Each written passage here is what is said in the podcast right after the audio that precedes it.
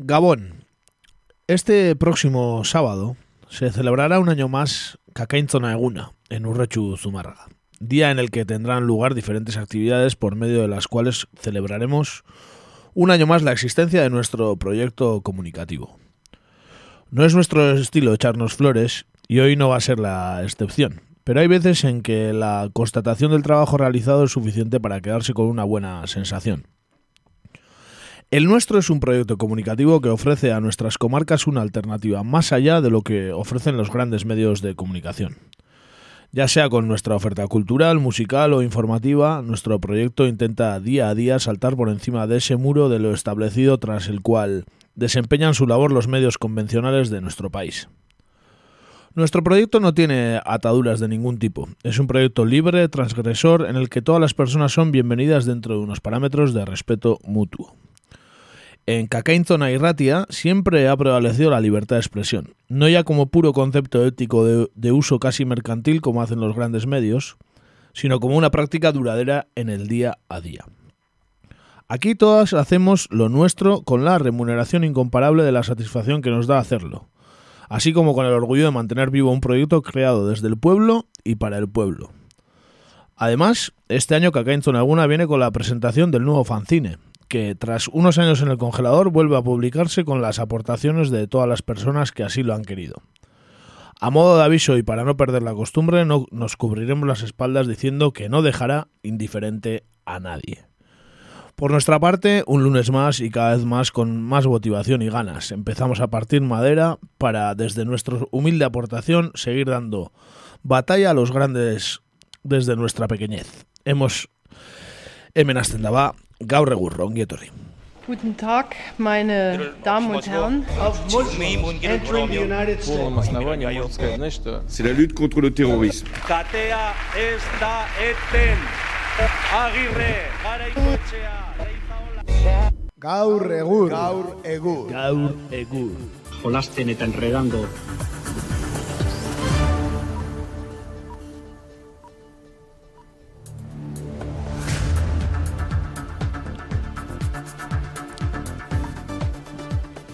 ba, Gabon edo Arratsaldeon edo nahiago duzuena zortzirak eta zazpi dira zuzen zuzenean gaude kakaintzonako gure estudio bikaina hauetan gaurkoan arazo tekniko handiegiri gabe eh? daudenean esaten dugu eta ez daudenean ere Samarko dugu ez dagoela arazo tekniko handiegirik hemen daudu gaude maialen hiruan ongi etorri da noi Bai, atxaldeon denoi. Hola, que hay? eta hola que hay baina zer da eta besterik gabe ba aspaldi porrak hartu gabe genden eta bi astetan lasai lasai egon gara gaur egurrik egin gabe. Baina gogotsu etorri gara ba denboraldiaren azken txampa honi ekiteko. Gaiak eh, ez dira oso berriak, naiz eta berri ugari dauden gai hoien barnean, baina, beno, ba, saiatuko gara denak lotzen eta aipatuko dugu baita ere, ba, editorialen bezala, ba, kakaintzona eguna datorrela larun batean, eta entzule guztio gomidatuta zaudetela, ba, gure proiektu komunikatiboa honek bizirik jarraitzen duela ospatzera. Besterik gabe, ba, hemen txasten da, bertan gaurrekin.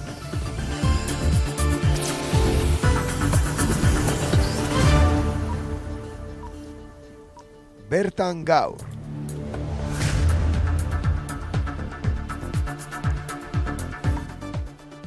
Eta izan ere gaia ez da berria, ez da gutxia horik ere, zeren e, ba, urte bete beteko da aste honetan, ba, etaren armagabetze prozesua edo armagabetze egun ura baionan e, ospatu zenetik.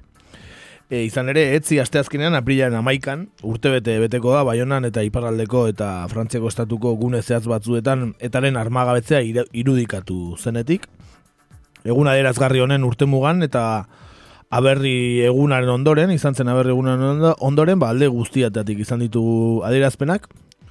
Ekintza osatunak iparraldean egin dira eta egiten ari dira, baionan gehienak hain zuzen ere. Eta biktimen eta presoen gaia jorratu dituzte besteak beste asteburu honetan e, baionan. Eskultura baten ezartzeak e, ego euskal herrian sortu den eztabaida txatxua zaratago, ba, goazen urte muga honen atarian egin diren ekintzak eta gertakizunak errepasatzera, eta ba, urte betean zer aurreratu den edo zerrez hausnartzera.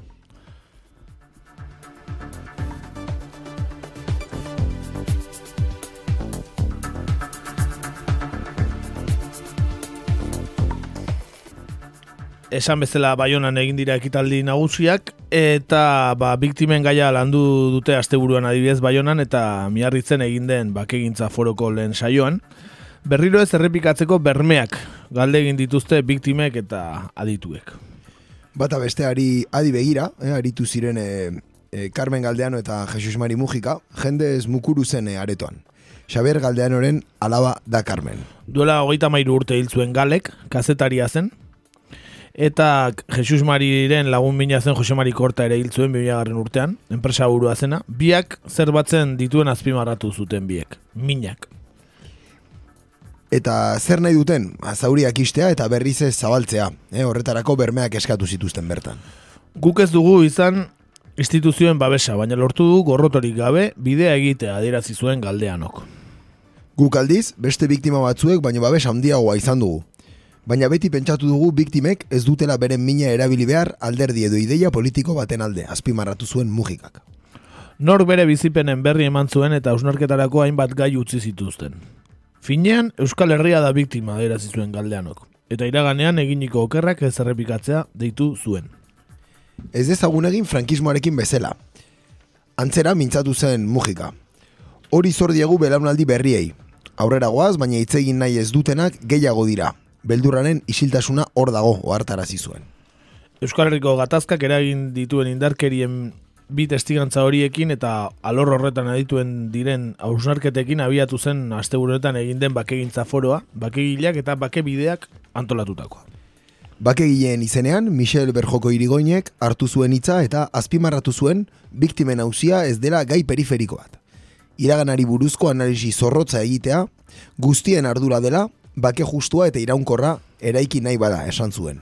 Ba, gehien bat ekitaldiak iparraldean izaten ari dira, e, bai biktimenak, presoenak ere badaude, e, bihar ere badago ekitaldiren bat, eta pentsatzen dut asteazkenean ere, ba, urte mugaren egun zehatza izanik, ba, egingo direla baita ekitaldi desberdinak, ba, esan bezala egualdeko komunikabidetan agertzen den e, eskulturaren e, polemika ba, ustel hori horretaz gain. E, izan ere, ba, bakegileak ere ba, egin dute valorazio urte betera, eta diote ba, prozesua azkartu behar dela minak mindena konpontzeko. Presoi buruz Frantziako gobernuarekin dituzten elkarrizketak bide honean doazela jakinarazi dute gainera ba, bakegileak edo bakearen artisa hau bezala ezaguna den taldeak. Bakegien taldeko Michel Berjoko irigoinak azpimarratu zuenez, Frantziako Justizia Ministerioko arduradunekin eginiko bilerak bide honean doaz. Bada elkar ulertze giro egoki bat, baina abiadura aldaketa behar da orain. Presa da, sufrimendua alde guztietan bada, denbora badoa. Ez dugu eskubidirik denbora pasatzen usteko. Ez guk, ez Frantziako gobernuak, ez da espainolak ere, gaineratu zuen Michel Berjoko irigoinek.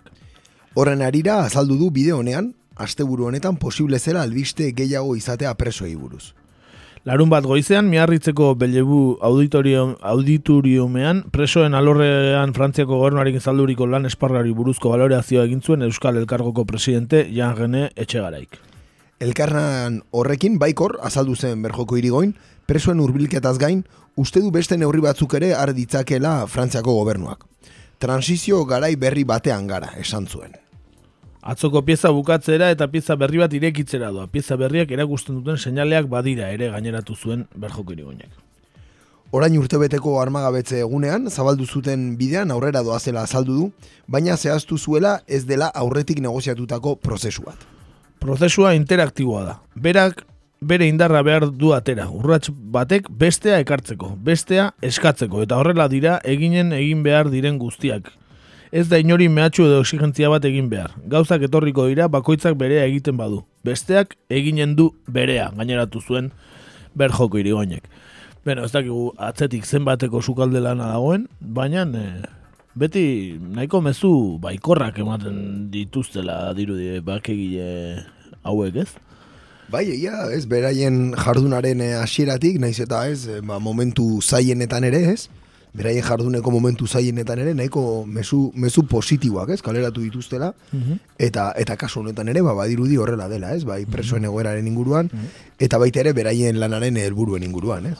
Gaineratu e, beste bakegile ezagunenetako bat izan den e, txetx etxe berri e, e, ba, atzo, uste atzo inauguratu zuten eskultura famatu hori eta ba, gerturazu zitzaizkiela ba, iritar batzuk Espainiako banderarekin eta protestan e, eskulturan gatik eta eta etxe etxe berri berarekin egon zirela ez baidan, e, ba, ber, zergatikan e, polemika hori edo ez dakit. Bai, egia esan nahiko ulergaitza, ez? Egiten da, ez? Eskulturaren polemika hori, batez ere eskulturaren e, irudi beragatik, ez? Ze eskultura horrek bi, bi elementu adierazten ditu, ez? Alde batetik, aizkora bat buelta eman da, ez? Hau da, aizkora bat bera begira, e, jende askok, ez? Ba, bueno, batez ere bertara, bertaratu ziren protesta, protestako kide horiek e, etako anagramako aizkorarekin, ez? Ba, identifikatu zuten aizkora hori.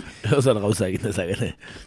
Eta ondoren, aizkoraren gainean, e, ba, bueno, zuaitz bat, ez? Mm -hmm. e, zuaitz bat, e, bai, bueno, aizkora, azten doa, aizkora lurperatu dela bezala, adierazten du, gehien, ba, nik ulertzen dut behintzat eskultura hori ikusita. Efectivamente, ez? Osa, ikonografian orokorrean, eta hau edozein ikonoekin gertatzen da, ez? E, edozein bandera adibidez e, alderantziz jartzen denean, e, bandera horrekiko, ez? E, nola esan, e, mesperretxu baten antzekoa izaten da, ez? Ba, ba, kon- protesta modu kontra, bat, ez? kontra egotearena, edo, edo bandera horrek eh, simbolizatzen duarena, duenaren aurkako zeo zer. Hori ez, horregatik e, desente harritu nindun horrek, ez? Protesta hori egotea eta eta aizkoraren erabilera utxaren gatik horrelako polemika bat sortzea, ez? Baina, bueno, beti dago polemikarako tartea, ez? Asmatu, asmatuz gero, ba, bueno, beti dago aukera, ez? Hala, hala. Bueno, aipatu dugu nola biktimen arteko ba, elkar ezagutzak edo biktime buruzko ardunaldiak egin diren, e, nola bakegileak ere presoei buruz aipatu zuten eta presoei buruz ere hitz egingo dugu gero, preso batzuei buruz behintzat, baina ba, ba, guzti honetan agente garrantzitsuena izan daitekeenak, ba ere atera dut zuen bere komunikatua, e, aberri egunarekin batera, Euskadi askatasuna ba, taldea zari naiz, eta baita ba, ba, bertako kide izan zen, eta orain EPPKko bozera maile modura dabilen e, David Plak ere ba, elkarrezketa bat eman zuen. Eta berretsi zuen etaren barne eztabaida ia amaiturik dagoela. Hala esan zuen, bai, e, abia, abiaraziko, aia, abi, abiarazitako barne eztabaida ia amaiturik dagoela, eta erakundeak uda baino lehen emango duela e, horren ondorioen berri, bai? Eta berak, aberri egunaren e, ba, inguruan, plazaratutako agirian, e, adirazitakoa eta beste zenbait eragilek, ba, adibidez foro sozial iraunkorrak esaterako, ba, behin baino gehietan iradotukitakoa berretsi zuen David Plak, sudoest e, egunkariari emandako elkarrezketa batean. Etaren mintzaidetako bat izan zen David Pla, eta gaur egun, esan bezala, EPPKaren e, zuzendaritza osatzen duten zortzi kideetako bat da. Idatzi zerantzun zion plak egunkariak igorritako galdetegiari eta elkarrizketan plak azaldu du ba, eta komprometituta dagoela nazio batuen erakundeak eh, gatazken konponbiderako ezarri duen DDR protokoloarekin, hau da armagabetzea desmobilizazioa eta gizarteratzea izango lizateke euskeraz DDR protokoloa eta aurrerantzean ere hala egongo dela gaineratu zuen David Plak. Etaren biktimen inguruan galdetuta, Plak azaldu du sufritu duten guztiei, etak egiten aldien ekarpenik behinena gatazka erabat gainditzea eta berriz ez gertatzeko bermeak jartzea dela. Plak gaineratu zuen etaren prestutasuna eta ba, prestutasuna agertu duela zauriak sendatzen laguntzeko. Hala ere, azaldu duenez, e, ez dago prest biktimak trukerako txampon gisa erabiltzeko eta pentsatzen ez dituenak esateko soilik batzuk gustora usteko sedez. Ez litzateke zintzoa izango, ez biktimekin ez da etaren historiakin ere erantzi zuen. Presoei dagokienez, plak uste du Espainiako gobernuaren borondate falta dela arazo nagusia. Nazio mailako akordio handia egitea proposatu du eta alde horretatik Ipar Euskal Herriko eragileen jarrera txalotu egin du. Bueno, ba, alde batetik eh, badirudi etak e, ba, bere barne eztabaida bukatzea daukala, e, dirudienez horrek e, etaren disoluzioarekin e, amaituko lukela ematen du, ez dakigu ez eztabaidatu duten eta zeinez, ez bai gara etako kideak, eta eta baina badirudi ba disoluzioa izango dela, ez? Bai, ez, nik uste dut, e, bueno, ba, orokorran hori, ez, aurre ikusten dela eta eta hemendik aurrera ba, ba paso logikoen ematen duela ikusitako et, gauden egoera ikusita, ez? Azkenean eman diren pauso guztiak norabide batean joan dira eta logikoena, ez, litzake disoluzio hori gertatzea. DDR protokolarekin bat egiten duela dio, beraz, armagabetzea, desmobilizazioa eta gizarteratzea. Beraz, eh, armagabetzea bete da, esan liteke, desmobilizazioa ere martxan da, hori izango litzateke disoluzioa, desmobilizazioa ikusi beharko da, zein hitz eta zein termino erabiltzen dituen etak ere, zeren beti ibiltzen da hitz jokua ere beti dago gontu honetan, ez da beti ez da erabiltzen terminologia berdina batek eta bestek, eta gero gizarteratzea geratuko litzateke, baina gizarteratzea ez dago etaren esku. Hori da, ez, e, bere esku, hiru puntuetatik bere esku ez dagoen bakarra da, eta iesan nahiko komplikatua, ez, ematen du gaur egun ba, gizartaratze hori gertatzea, ez, batez ere e, Espainiar gobernuak izandako jarrerarekin, eta bai nik uste dut kasu honetan, ez, gizartaratze edo etako militanteak, e, ba, bueno, gizarte zibilan berriro integratzeko e, modu horretan, ba, Frantziar gobernuak ere ez duela gauza errez jarriko, nahiko gauza komprometitua ataz ari garelako. Bai, hor, momentu ze estatuetatik eman diren pausua goratu behar dugu, e, ba, gutxi batzuk e, lan emezango kartelara gerturatzea izan dela. Pausoa da, ez dugu bukatuko, pausoa dela, baina, beno, hortikan gizarteratzera, ba, bide asko dago. Hori da, ez da, ez da gauza erresa, gero, e, egia da ez, askotan e, tanteatu izan direla, edo, bueno, ez, argitaratu izan direla, ba, nola, e, irugarren herrialde hoien aukerak, ez? Hau da, bergi zarteratzeko e, beste herrialde baten Mhm. konpromesua jasotzea, eta pertsona hauek erbestera jutea bergi zarteratzeko. E, bueno, ez dirudi oso aukera, nola esan, e, zuzena esate baterako, ez, oso logikoa, baina beti izan da hor aukera bat, ez, mai gainean egon Ba, dena. Venezuela eta holakoak ez da. Adibidez, edo bere garai batean ere hitz egin zen e, hori da, ez, ba, kubataz, edo bueno, ba hori, ez.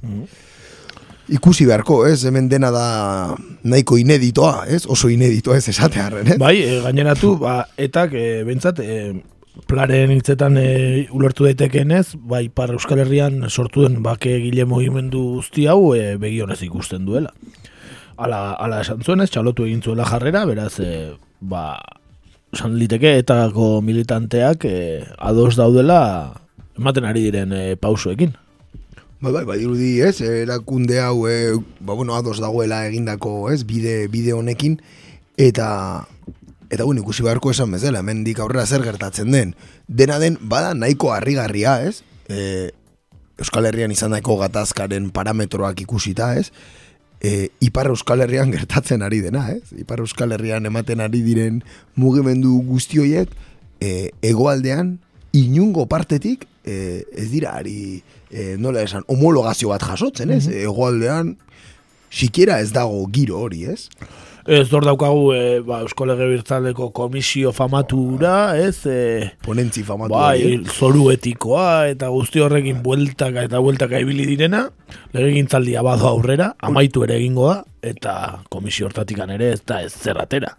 Eta Ipar Euskal Herrian berriz, orain arte ia instituziorik ere izan ez dutena, orain daukate, eta ez dute honien inguruko komisiorik sortu, ez da horrelako alderdi politikoen eztabaida antzurik ere, baina gizarte zibilak eta eta bintzat agintari politiko batzuk esku hartuta, ba, ba, bastante bide gehiago egin dute hegoaldean urte luzetan izketan eta abar egonda ere egin ez direnak.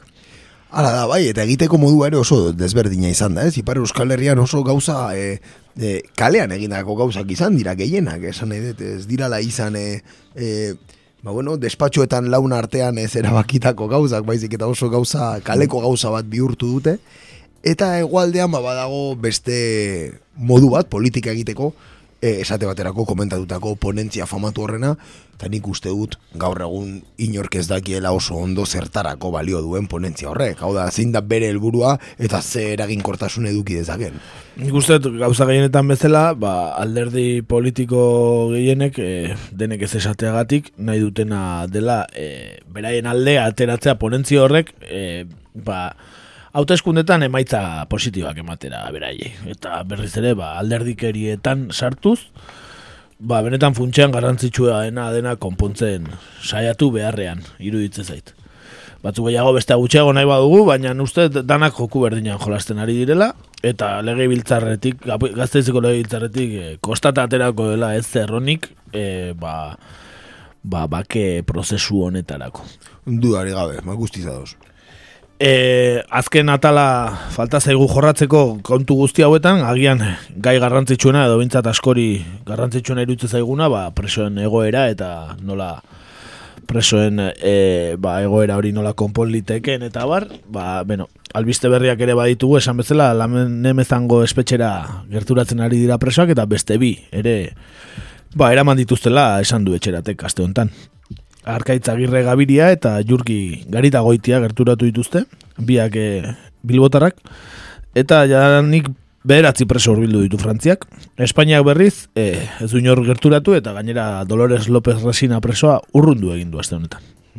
Arkaitza Agirre Gabiria eta Jurki Garita Goitia, esan bezala, balanem zango espetxera gerturatu zituzten, etxerate jakinara zizuenez. Orain arte Agirre Gabiria Fresnesen egonda, Euskal Herritik bederatzireun eta hogeita mar kilometrora, Eta garita goitia berriz poisiko espetxean, bederatzerun da berrogeita mar kilometrora.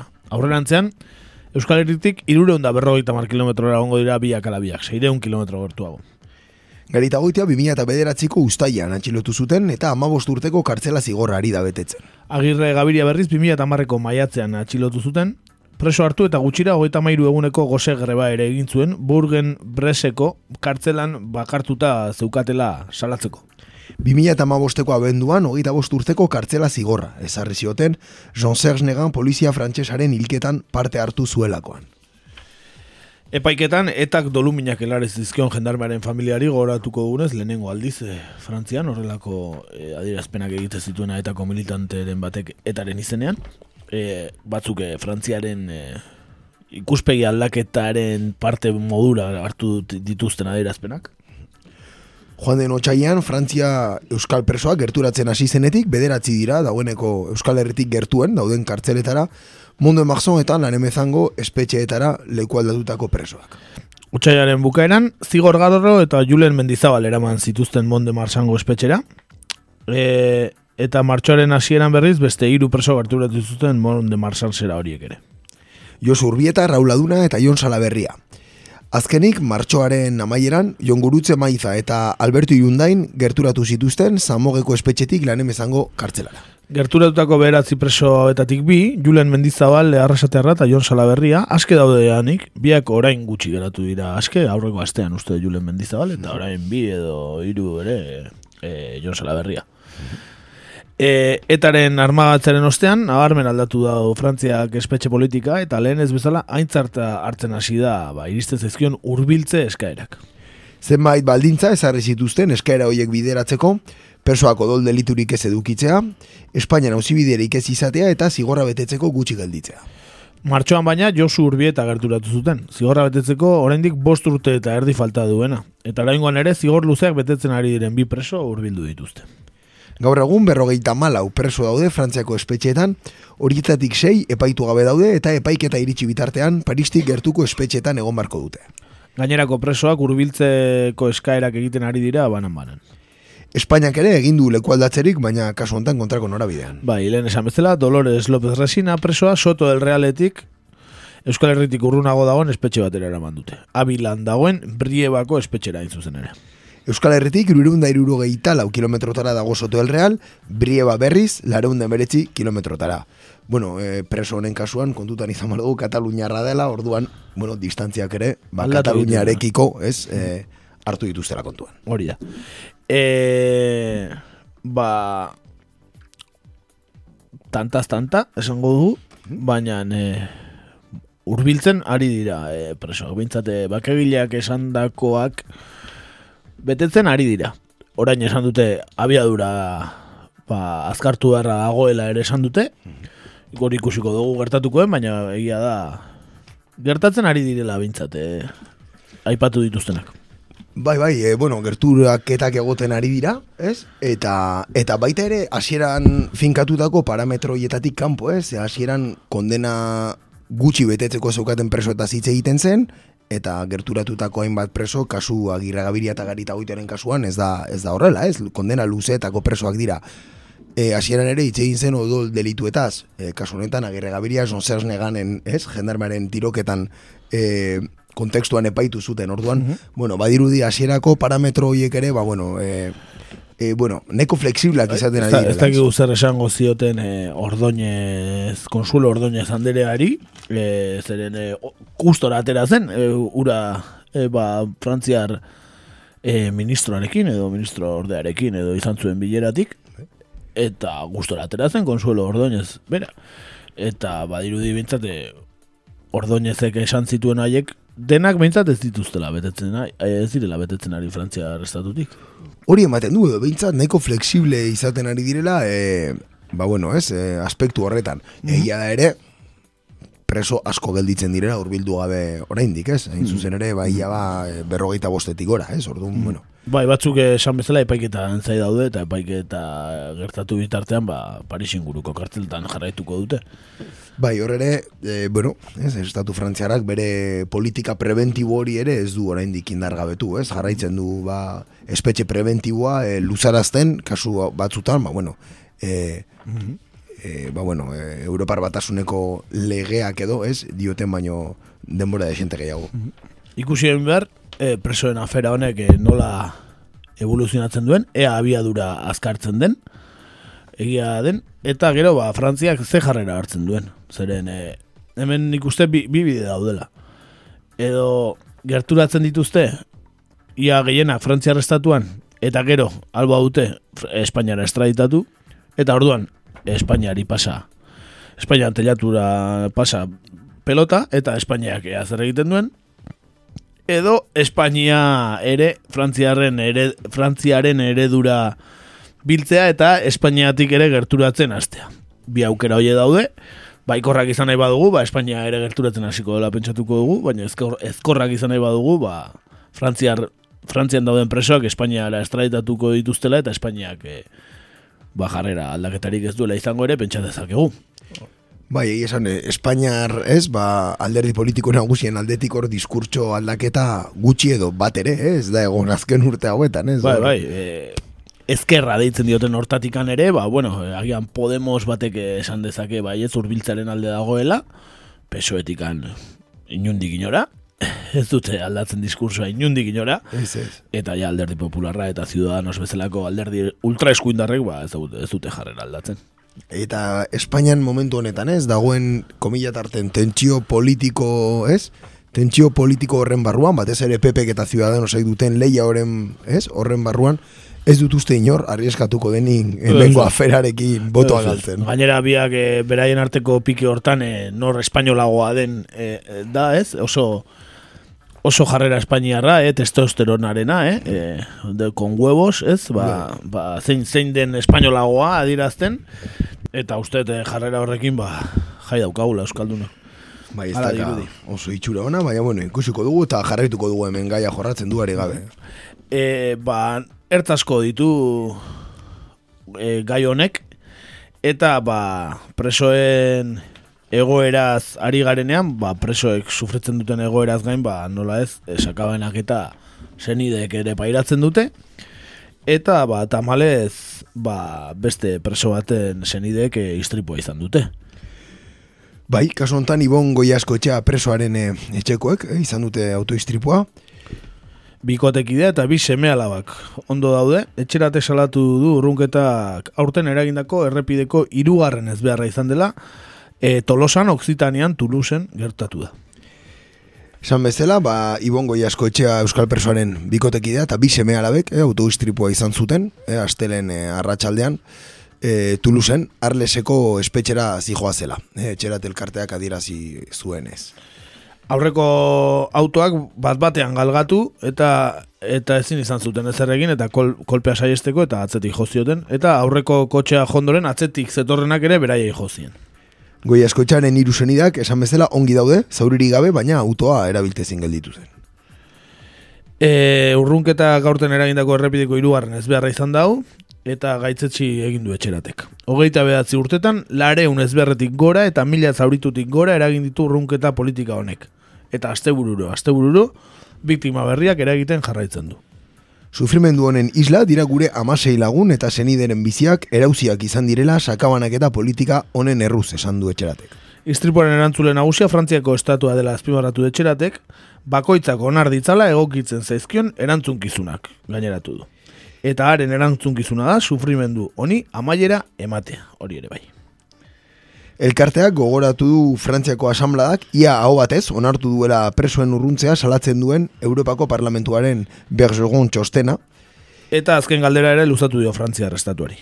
Prestal dago Paris urruntzeak eragindako eriotza bat onartzeko, oraindik ez da gertatu, baina e, ba gertaritek eta malez, hau ere.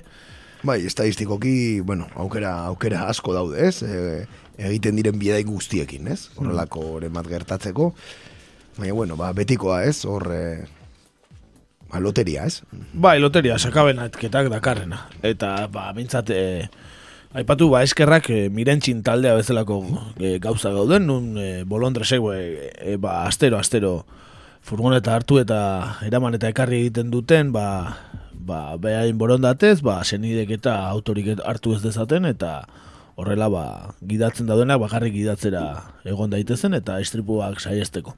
Duari gabe, bai, bai, lan, eh, lan txukuna miren txine gidariena. Tamalez jarraitu beharko dena egiten. Bai, bai, bai, luzez ematen duenez. Bai. Beno, ba... Ez dakitzo zer gaineratu nahi dugun, betiko gaia da, Euskal Herriko. Betiko Bai, gaia, bai, Euskal esan. gatazka politikoa, presoena, armagatzearena, e, agente garrantzitsuena badiru desagertzear dela, e, eta zena, bueno, garrantzitsuena, garrantzitsuenetako bat, zen Espainiar eta Frantziar estatuak hor diraute, eta indartsu gainera. Eta ez dira desegingo. Ez, ez dira, bere, la, bere alakoan ez dira esegingo, Katalunian ere ikusi dugu hori, ezta? Eta Korsikan ere bai. Ez zergatik ez. E, ba, horixe. Ba, betiko gaia, eta... Ba, eutxi, besterik ezingo dugu egin. Euskaldunok, momentuz, eutxi, alba da. Horrengo zori eta gure aldetik ba, kronika ekartzea eta hemen gai hauek jorratzea eta tratatzea Hori aldegun alik eta bere ditea. Bueno, abestia ere ekarri dugu, eta agian e, gero egingo dugu errepasoa kakaintzona eguna daukagula zapatuan, gogorarazi nahi dizuegu danoi. Eta ba, gero egingo dugu agian agenda guztiaren errepasoa, baina e, ba, bi talde eukiko ditugu, Drumcopters eta Fusible, Fusible iparraldekoa gainera, nola iparraldeko gaietaz eritu garen Euskal Herri osokoak, baina iparraldean ere ba, jarri dugunez begira da. Ba, iparraldeko Fusible taldea, ziburutarrak, eta beraien abestia ez naiz gogoratzen izena. Usedo. Usedo, e, talde instrumentala da, ez dute abesten, ba, benetan, bueno, erritmo gogorrak, baina dantzagarriak ere bai, eta nik uste larun bat ontan e, gozatuko dugula, bai fusiblerekin eta bai drumcoptersekin, beraz entzun dezagun, Usedo, fusible Fusiblea.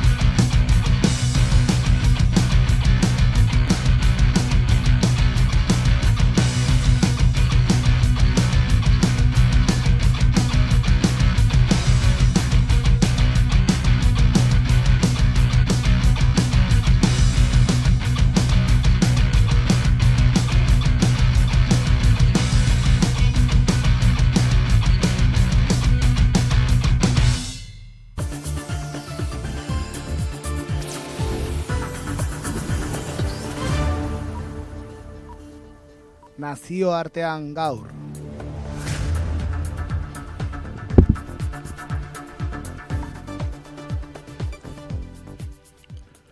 Bueno, pues nada, como todos los lunes, eh, pasamos a la sección internacional eh, de Euskal Herria al mundo. Y nada, pues después de- del descanso vacacional, pues bueno, el calendario yo creo que nos, nos obligaba ¿no? a volver a, a Siria. eh, es el, el foco de actualidad pues internacional que más relevancia ha tenido estos últimos años. Y hoy vamos a intentar eh, analizar la, cuál es la situación actual. Mm, Ya, bueno, después de siete años de combates entre, entre un montón de, de actores bélicos eh, que han hecho de la guerra siria pues la guerra civil más mundial, vamos a decir, de las últimas décadas, vamos a intentar repasar cuál es el papel de cada uno y qué futuro le espera a este país que, que una vez, aunque ahora ya no lo parezca, fue uno de los más prósperos de Oriente Próximo.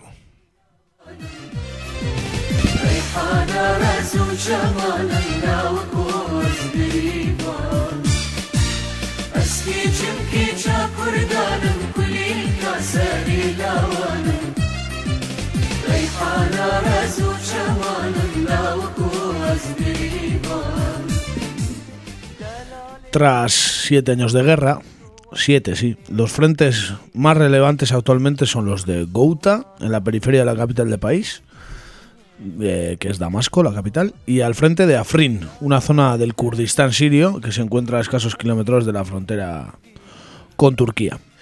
Sí, en este frente, en el de Afrin, eh, combaten las unidades femeninas y masculinas de protección popular kurdas contra el ejército turco que desde enero de este año lleva a cabo una operación militar de gran envergadura contra las fuerzas kurdas dentro de las fronteras del Estado sirio. El ejército turco tomó el control de toda la zona de Afrin, así como de su ciudad principal, llamada también Afrin, destruyendo estatuas y patrimonio cultural kurdo, así como realizando redadas masivas deteniendo a centenares de personas. Se calcula que los muertos en los ataques aéreos y terrestres turcos son más de 2.400, entre ellos alrededor de 300 civiles. Se calcula también que más de 200.000 personas habrían huido de Afrin durante estas últimas semanas. Por otra parte, como hemos dicho, está el frente de Guta, y en este frente se están desarrollando duros combates ¿eh? entre el ejército sirio y las milicias armadas opositoras a Bachar al-Assad, entre las cuales pues, podemos encontrar desde milicias religiosamente moderadas y políticamente opuestas a Bachar al-Assad hasta grupos salafistas de la órbita de Al-Qaeda.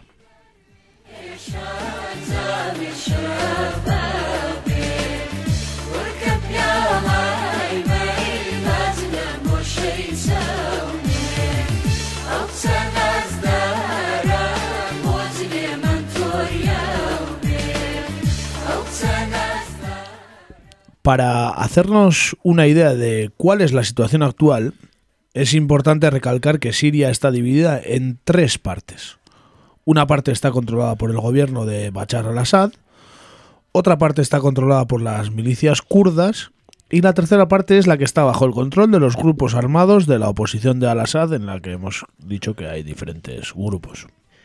Sí, aún queda también algún, algún bastión del Daesh ¿eh? en las zonas desérticas del este del país, también en el sur, cerca de la frontera con Israel, curiosamente, y en alguna zona de la periferia de Damasco. Podríamos decir, aunque no sea del todo cierto, que estos son los actores locales. En lo que se refiere a actores internacionales, cada uno sigue defendiendo sus intereses políticos y geoestratégicos como mejor le conviene. Así es. Eh, por una parte, tenemos a, a Estados Unidos, que desde el inicio del conflicto ha tenido un papel determinante en lo ocurrido, tanto por su apoyo a la llamada oposición armada a Bachar al-Assad, como por su responsabilidad política en la creación del califato por parte del Daesh. Su apoyo logístico, que no político, a las milicias kurdas al norte del país también le ha servido para continuar siendo un actor relevante en esta guerra. Por otra parte, eh, tenemos a Rusia, que desde el año 2015 está prestando una ayuda militar decisiva a Bachar al-Assad. Como ya comentamos en algún programa anterior, Rusia tiene un fuerte interés en que al-Assad salga victorioso de este conflicto, ya que le permite por una parte mantener su influencia en la, en la zona y por otra asegurar su presencia militar en el Mediterráneo por medio de las dos importantes bases militares con las que cuenta en la costa siria. Lo cierto es que la participación activa de Rusia en el conflicto sirio le ha dado a Vladimir Putin y a Rusia una relevancia internacional que hacía años que no tenía. Otro actor determinante en esta guerra es Turquía, que desde el inicio ha condicionado y sido parte esencial en todo lo ocurrido. El hecho de que combatientes yihadistas de todo el mundo se incorporaran a esta guerra a través de su frontera fue determinante para la creación y el mantenimiento del califato durante casi cuatro años. El apoyo logístico manifiesto de Turquía a grupos de la oposición a Al-Assad de corte salafista también ha influido mucho en el desarrollo de la guerra, como por ejemplo en la batalla de Alepo hace un año. Los duros enfrentamientos de su ejército con las milicias kurdas también han sido decisivos para partir en dos el territorio controlado por las y los kurdos al sur de su frontera. Su reciente invasión de Afrin deja entrever que, lejos de ir disminuyendo, el papel de Turquía en esta guerra va a ser cada vez más relevante.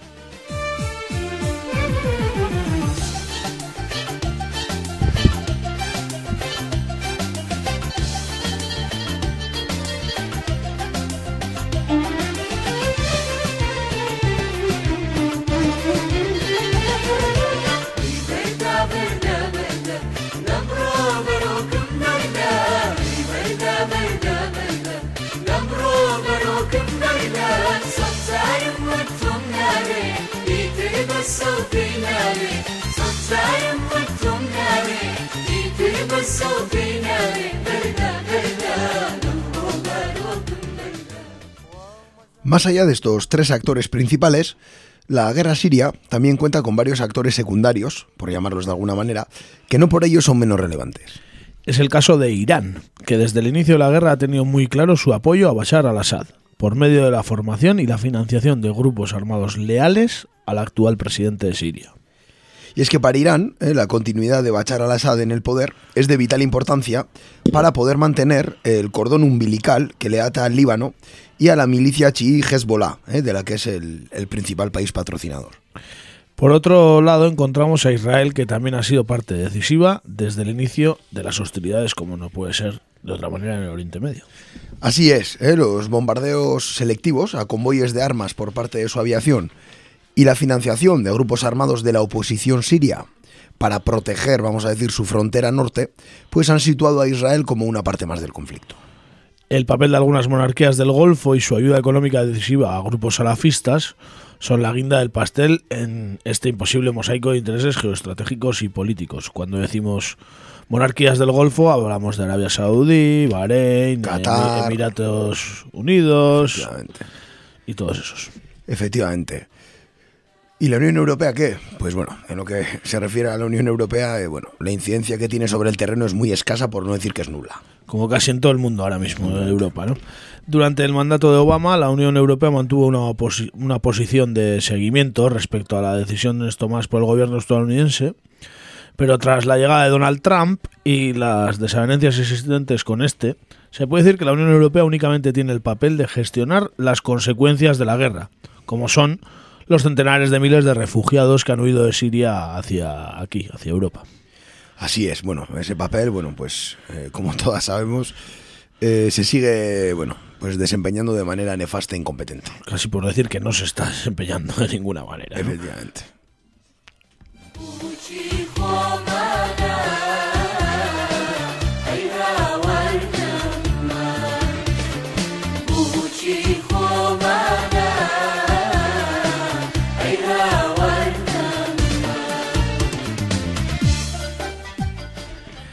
Y es que según la ONU, son ya más de 5 millones los sirios y las sirias que han abandonado el país desde el inicio de la guerra.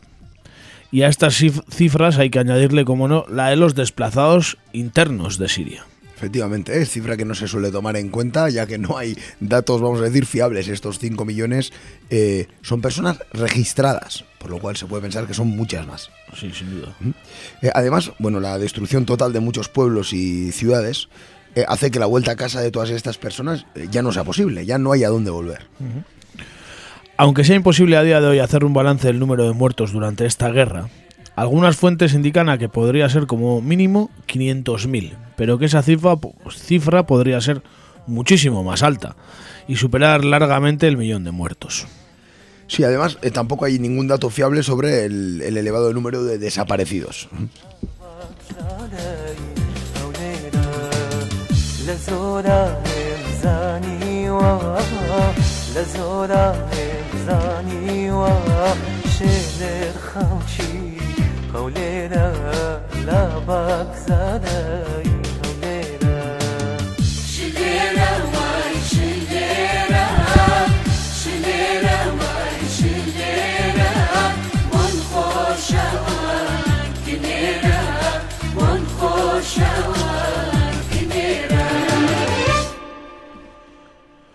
Bueno, ¿por dónde empezar? Con, con Siria. Hay muchas cosas que se pueden comentar sobre esta guerra que dura ya siete años, en la que nos han vendido como si fuera una guerra religiosa, pero la religión es una parte bastante secundaria de todo este conflicto. Sí, efectivamente, es casi accesorio, ¿no? El papel de la religión en lo que está ocurriendo en, en esta mini guerra mundial, ¿no? Que está ocurriendo en Siria.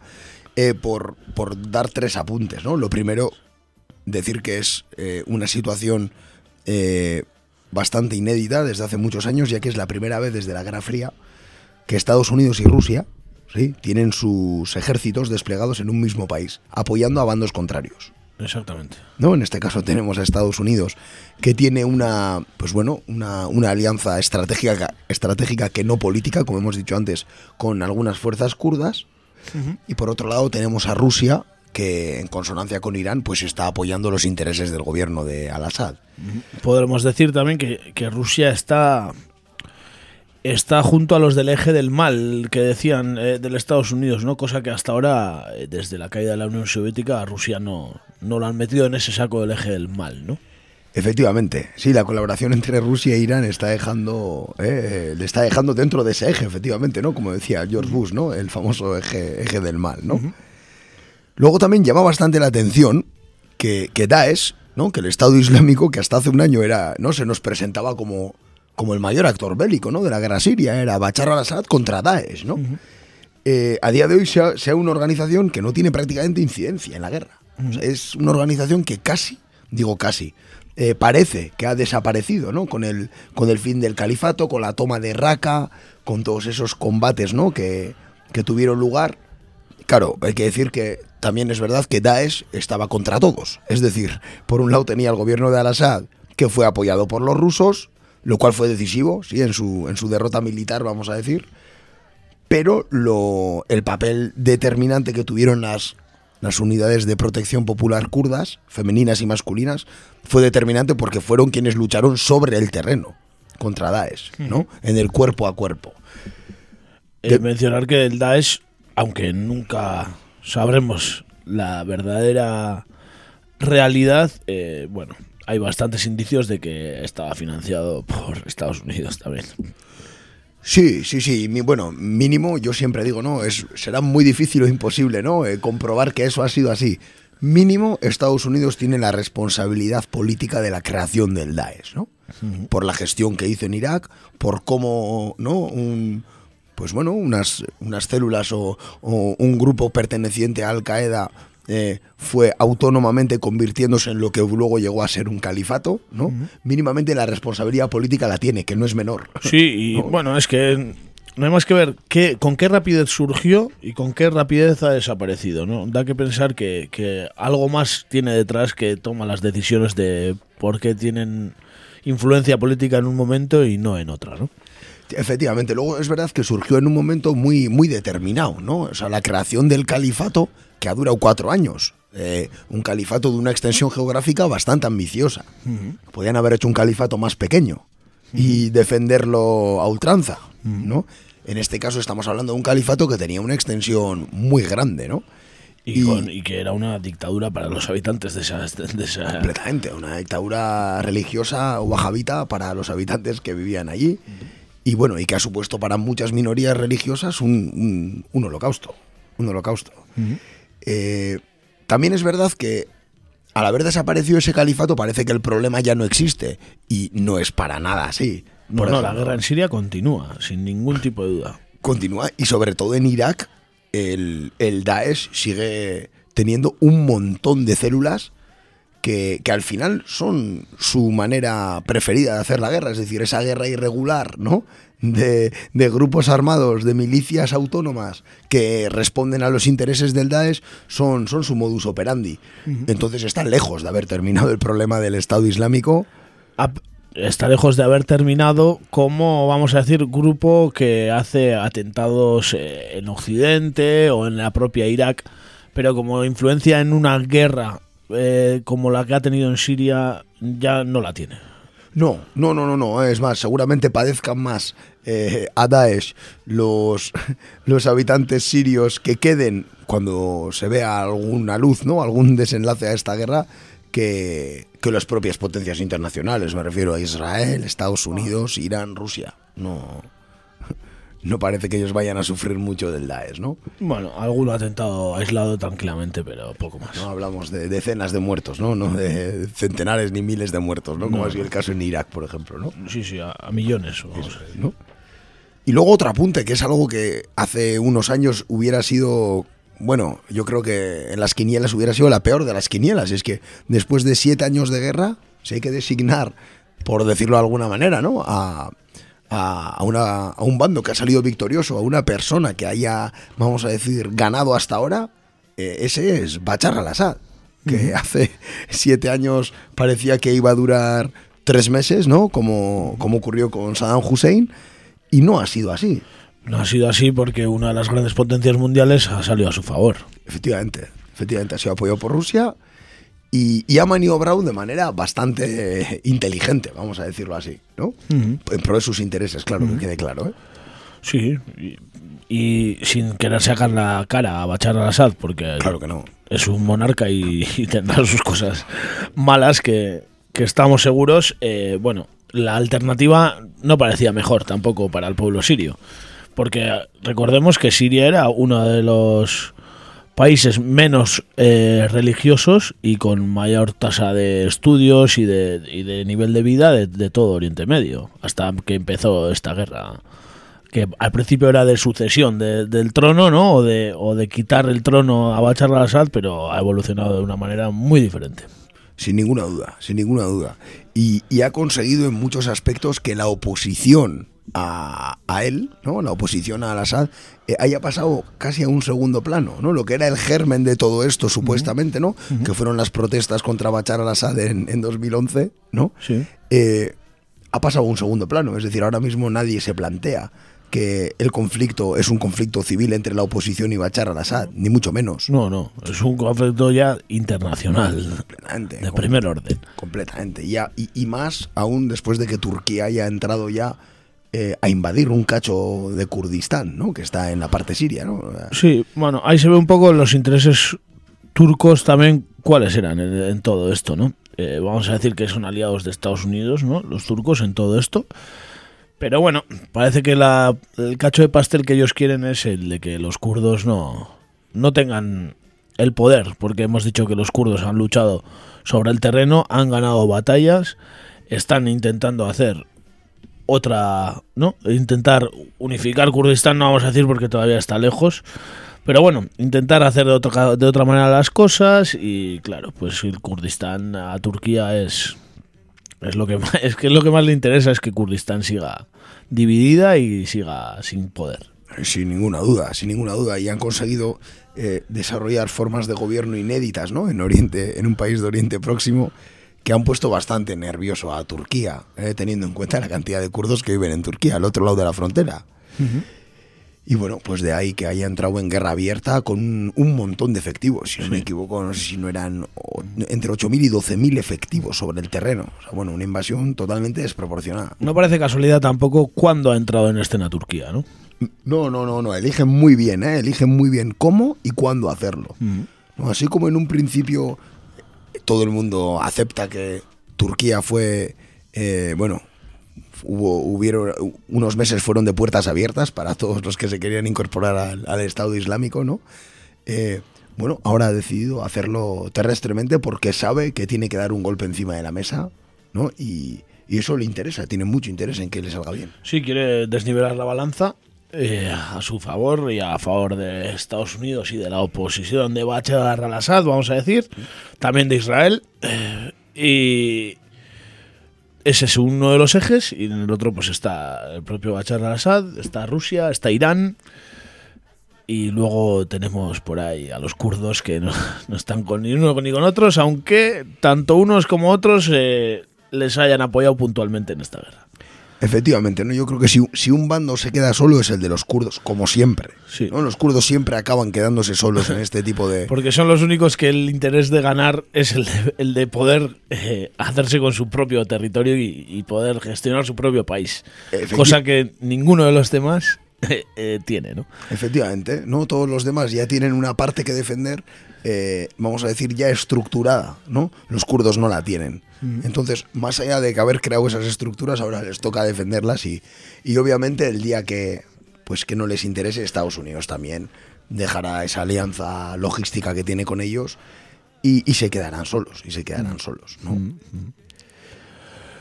Poco más que añadir. eh, por tocar otro tema que hemos mencionado es el de el de la poca o casi nula influencia de Europa en el mundo, que cada vez está quedando más clara, ¿no? Tiene influencia en, vamos a decir, ex colonias suyas, podemos decir que, bueno, tiene influencia en, en Latinoamérica, tiene influencia en grandes países de África, ¿no? Los estados europeos, pero en Oriente Medio y donde entran a jugar los mayores, vamos a decir, ¿no? Rusia y Estados Unidos, Europa no, no dice nada, no tiene nada que decir. no tiene nada que decir, ni siquiera nadie se ha planteado el, vamos a decir, el papel de la Unión Europea aquí, porque cuando ha estado Barack Obama en el poder en Estados Unidos ha sido puro seguidismo, ¿no? Europa estaba en consonancia con él y a nivel de política internacional era, era seguir y seguir. Ahora que está Donald Trump, eh, menos todavía, porque las desavenencias que hay o mínimamente públicamente, nadie se atreve a apoyarle. Es tan imprevisible y una persona Claro. que ha tenido tanto, ¿cómo decir? tan disparatada o tan fuera de las normas establecidas hasta ahora, ¿no? que, que tampoco se atreven públicamente a apoyarle. Entonces, Europa es totalmente irrelevante en lo que está pasando ahí. Es relevante en todo menos en el tema de los refugiados, en el que pues se están viendo todas las vergüenzas de, de todas estas democracias de la Unión, ¿no? Siendo Democracias para ricos, vamos a decir. Sí, desde luego, el papel de Europa está siendo más que lamentable, ¿no? Es una vergüenza para todos. Sí. Bueno, No hay más que ver, pues, que no han cumplido ni sus mínimas tasas de recibimiento de, de refugiados, que ellos mismos pactaron las cuotas y no las han cumplido ni, ni, ni, ni esas cuotas. la mayoría de los países no han llegado, creo, al, al 7% de lo acordado en todos los años ya que lleva la crisis eh, de los refugiados, ¿no? Bueno, es- eso es una incompetencia deliberada. Sí, sí, sin duda, no les interesa y punto. Así como a Alemania le interesó al principio abrir el grifo, Sin duda. porque necesitaba mano de obra, pues eh, ahora pues han cerrado el grifo y aquí no pasa nadie. Y la situación de las costas griegas y de las fronteras, pues es verdaderamente lamentable. lamentable y cada vez tiene menos eco en los medios de comunicación. No es algo que ya se ha aceptado, ¿no? Un mal aceptable para los ciudadanos de la Unión Europea. Y es más, hace mucho tiempo que no se escucha, ¿no? Eh, Bueno, hubo movilizaciones ¿eh? de Ongi Torre Refugiatuak hace poco también y sí están haciendo movimientos las plataformas civiles, algunas sí, pero está claro que los grandes medios de comunicación pues, decir, sí. pues no ya, ya han puesto el punto de mira en otros en otros lugares y, y ya no les interesa ese gran drama humano que están viviendo pues mayormente la población siria que ha escapado de una guerra. Sin duda, sin duda. Así las cosas. Desgraciadamente creo que volveremos a hablar de Siria bastante a menudo por lo que por lo que se prevé que puede pasar. No parece que vaya a ir a menos la guerra, sino a más. Por lo cual estaremos encima e intentaremos por lo menos explicar qué es lo o intentarlo por lo menos, ¿no? Intentar explicar qué es lo que ocurre allí porque a veces eh, es normal que no entendamos nada. Es difícil salir de Oriente Medio ¿eh? con todas estas cosas que suceden, ¿eh? la verdad. Muy difícil, muy difícil eh, tantear algo, ¿no? Una esfera internacional que vaya más allá de Oriente Medio porque Sí, sí. porque todo el mundo está ahí, ¿no? Alguno encontró petróleo un día y mira, Para le, pa- eso. le pareció buena idea, pero no sabemos cómo ha acabado esto. Para desgracia de la población, desde luego. ¿eh? Bueno, en fin, pa- para terminar con nuestra sección internacional, siempre traemos una canción.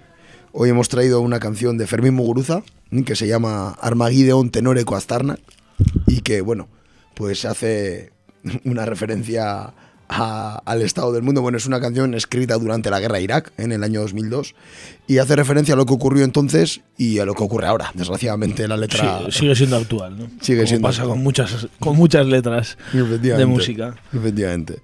Nada, ahí vamos.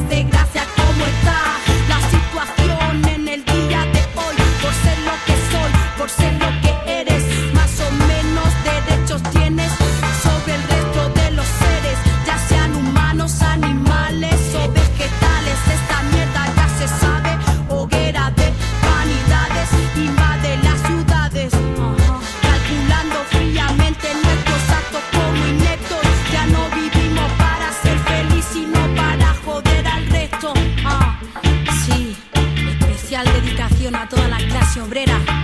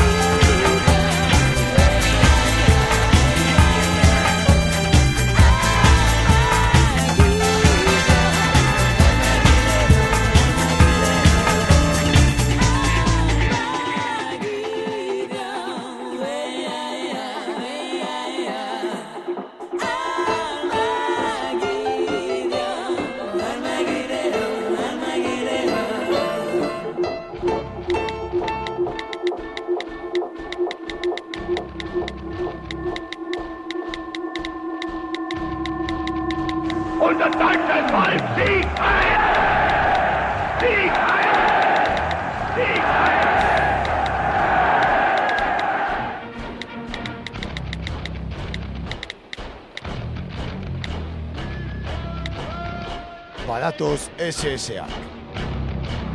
Sare sozialetan egur.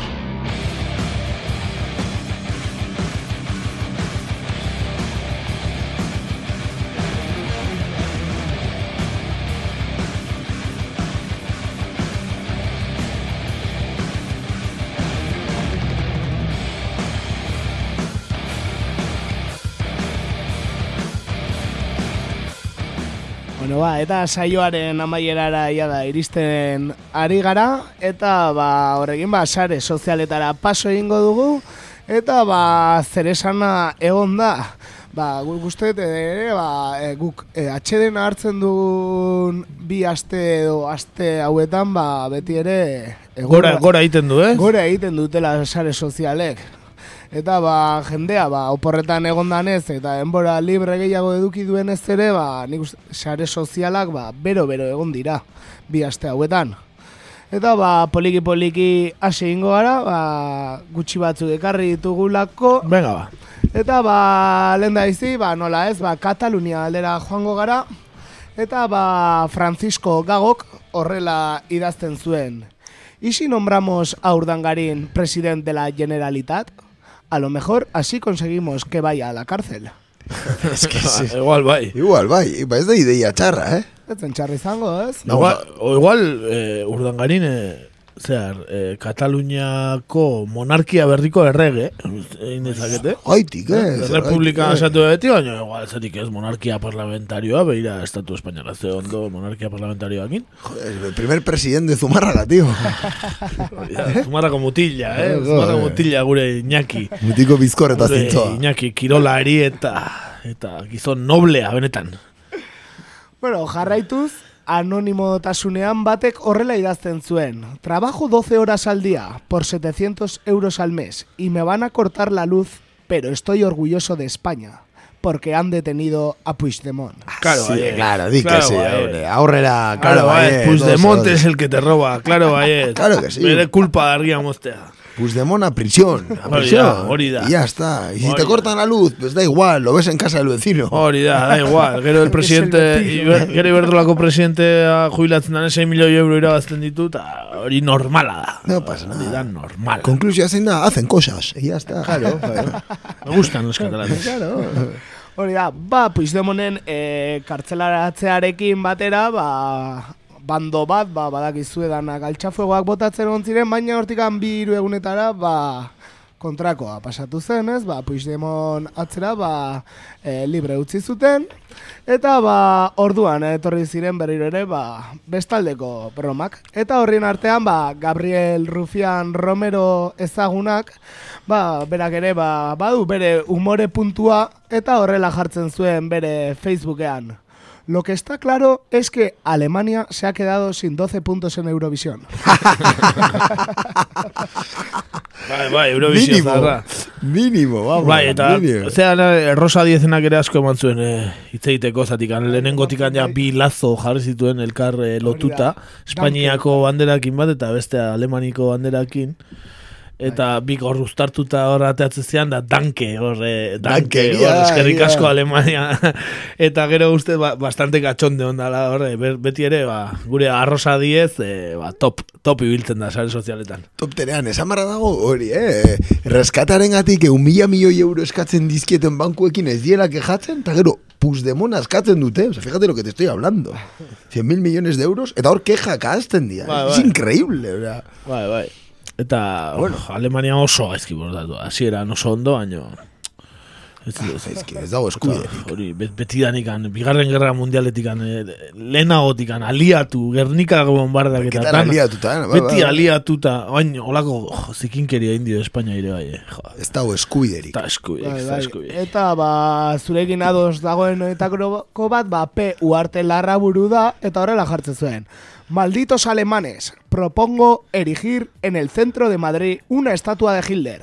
Que se jodan. así de claro, así de Hori da, claro. pa, patxi uarte da hori, ez? Da komikilaria. Muerte. Ba, oso, bere- oso ondo, oso ondo. Nik uste, eh, jendeak protesta gutxi, Madriden.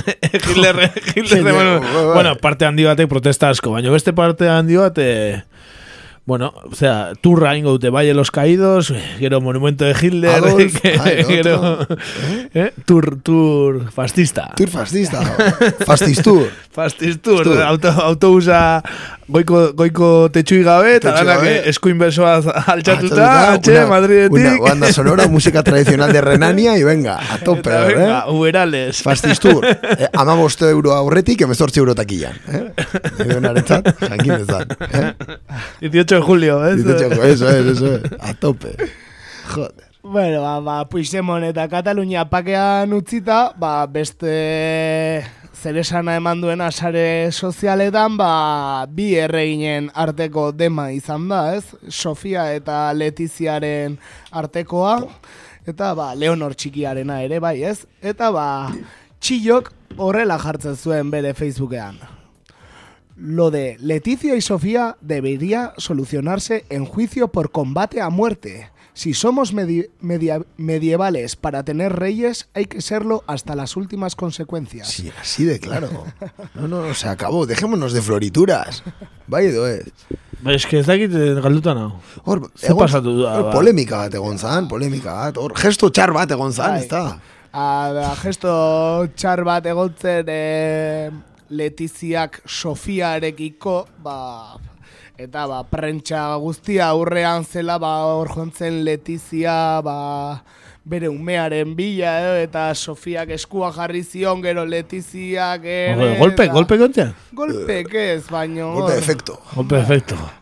Horta, bai, aparta huin zunumen gatik, eta musu bat eman zionez, eh, Sofiak bere alabatako bat eta hola intzion, orpegin da. eskua pasatu zion. Zertaz ega, telenovela bai, latinoamerikar bai, batez, bai. o zertaz ega. Sí, la, la tienes con audiodescripción si quieres. la tienes con audiodescripción y todo. Juego de Tronos. Eh, Eso, bravo. Eh, eh, juego de tronos, Y, tanto, y tanto. Desde que le regaló Pablo Iglesias la esto, eh, el, el pack aquel de Juego de Tronos están a todo, El tío. Juego de Tronos, es regalau zion. Bai, Zion bai. regalau baloncestoko, ez da izaz. Igual beste baten, es muy de regalos, hay Pablo Sí, Iglesias. a la monarquía, A la sobre todo. monarquía, eh, bai, con regalitos, bueno, en fin. Bueno, eta ba, azkenean ba, e, sigarrillos amarillosek, ba, bere Twitterrean, ba, hau dana pasatu ostean, ba, bai Letiziarena, e, eta bueno, Espainiari, ba, konparaketa bat egin dio. Espainia osaba mozkor bat bezalakoa da. Etxean, denek dakite nolakoa den, eta etxetik kanpo erridikulua besterik ez du egiten. Argita garbi. Egia galanta, egia galanta, joder, baiez. Egia esan bai, eh? Barruan dana dakigu Espainia, batu honen barruan dena dakigu nolakoa dean, eh, Espainiar botere dunak, eta kanpoan ere, ba, erredikulua bestik ez dute egiten. A, a, a, kafo, a cup of café con leche en Plaza Mayor, eta horrelakoak dia gutxi, oiek dia txikierak. Chiquera, chiquera, gogorra, eh. Muy español, mucho español. Buah, eskerrak oiek ez diera, eh. Viva Honduras. Viva Honduras!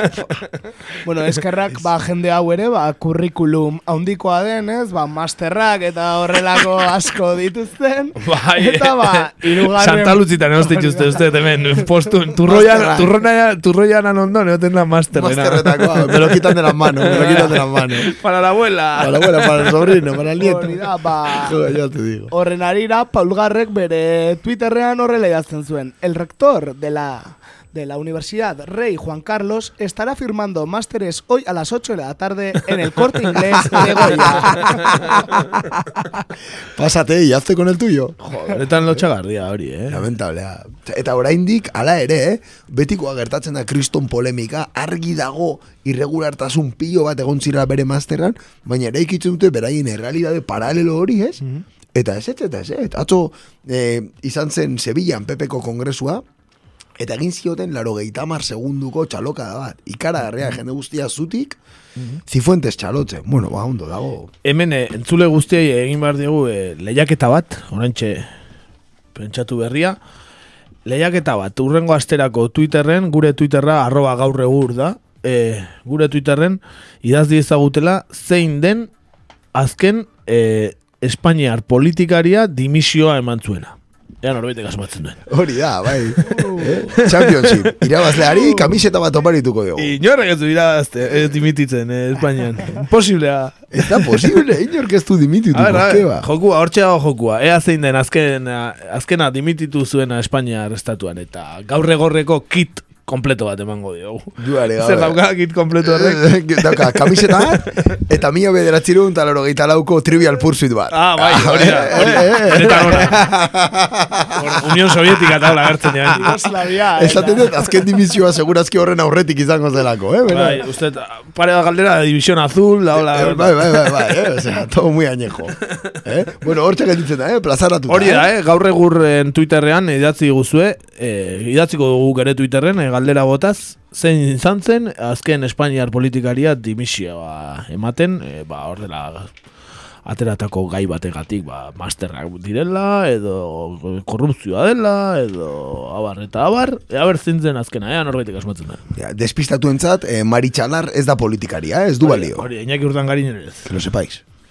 Bueno, eta ba amaitzeko, ba masterrarekin amaituko dugu, Zifuentesen masterrarekin, eta ba lauzpabost e, txiolariek ba abesti bat e, egin dute, nahiko la rap ezaguna, Aber, kapaza naizen dana batera bota eta erritmoa ere ondo eramateko, eh? Arrea. Uh, uh, hau gehiagizkoa izango da. Ei, ei. Baina Jarri grabadorak etxean. Ikarrizko parrak botan ditu natzo gauen, gauean, bai.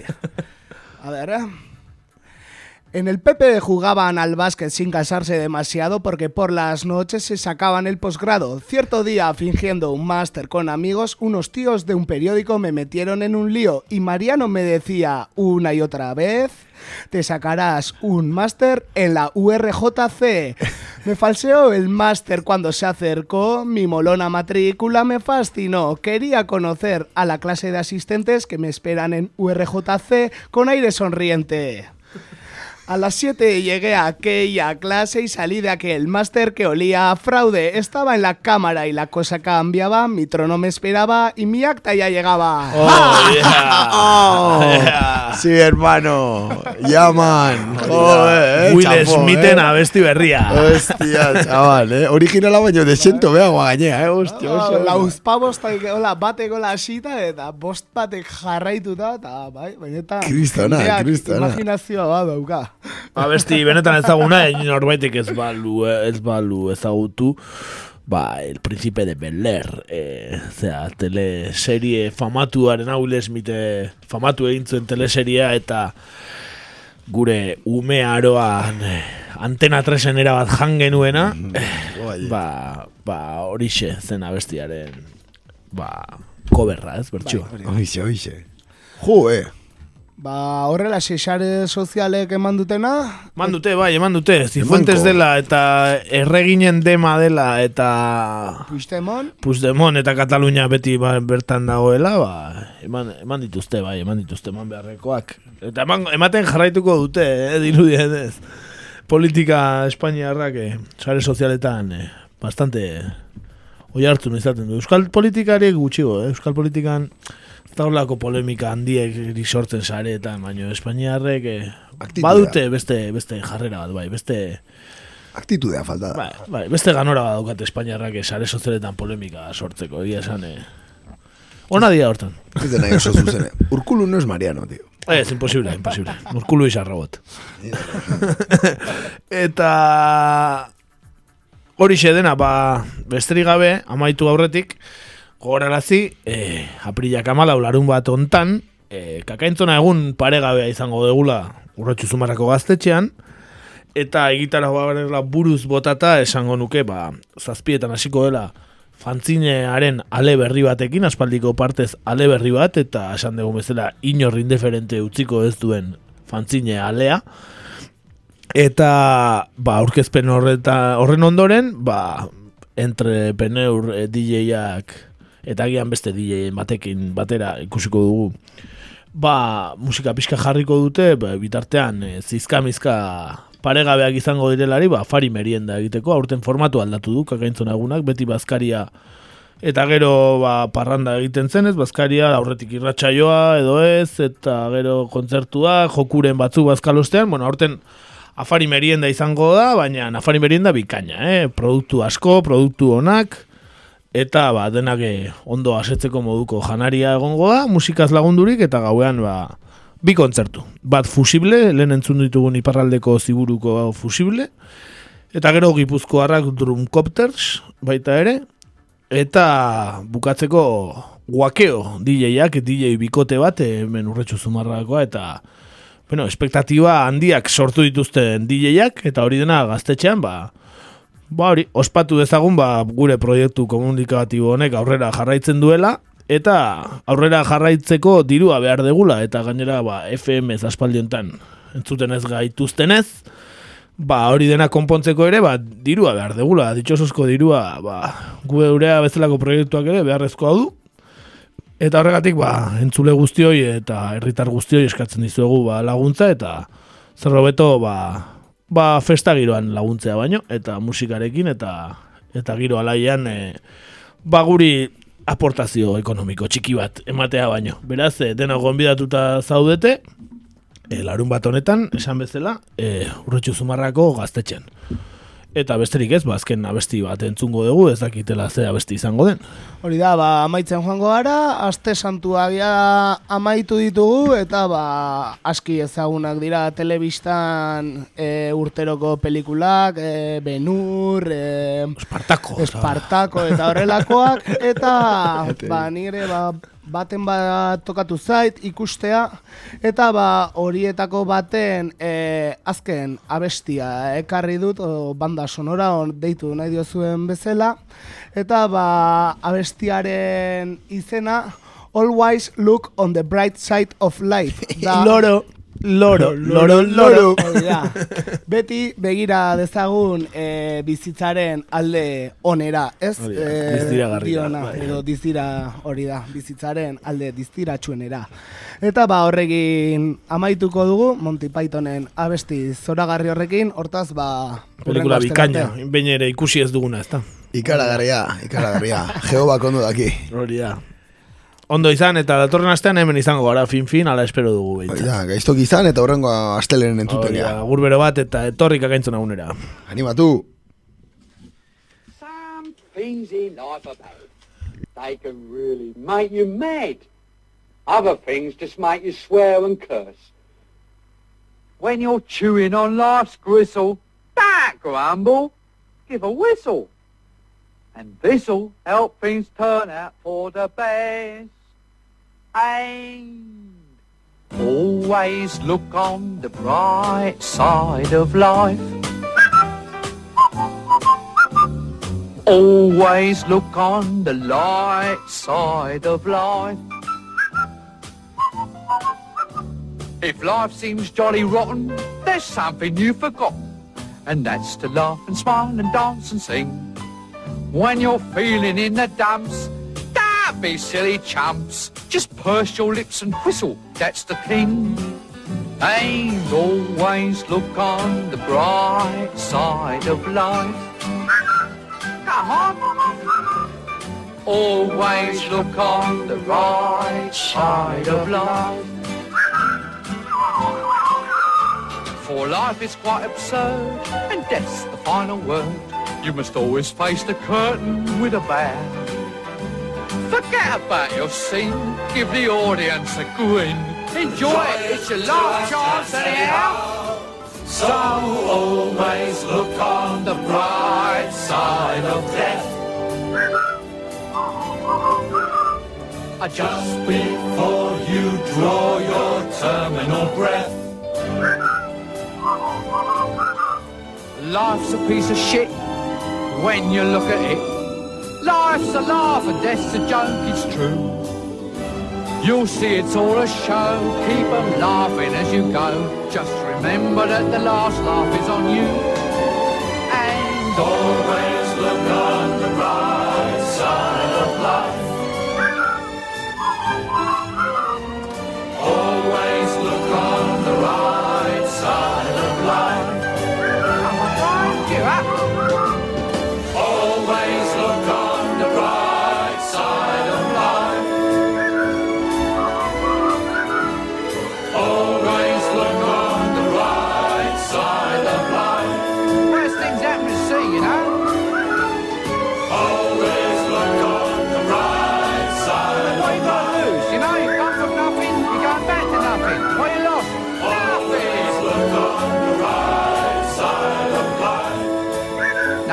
Come from nothing, you know what I say? Cheer up, you old bugger. Come on, give us a grin. There you are. See? The end of the film. Incidentally, this record's available in the foyer. Someone's got to live as well, you know. Who do you think pays for all this rubbish? Always look the money back, you know. I told him. I said to him, Bernie, I said, they'll never make that money back.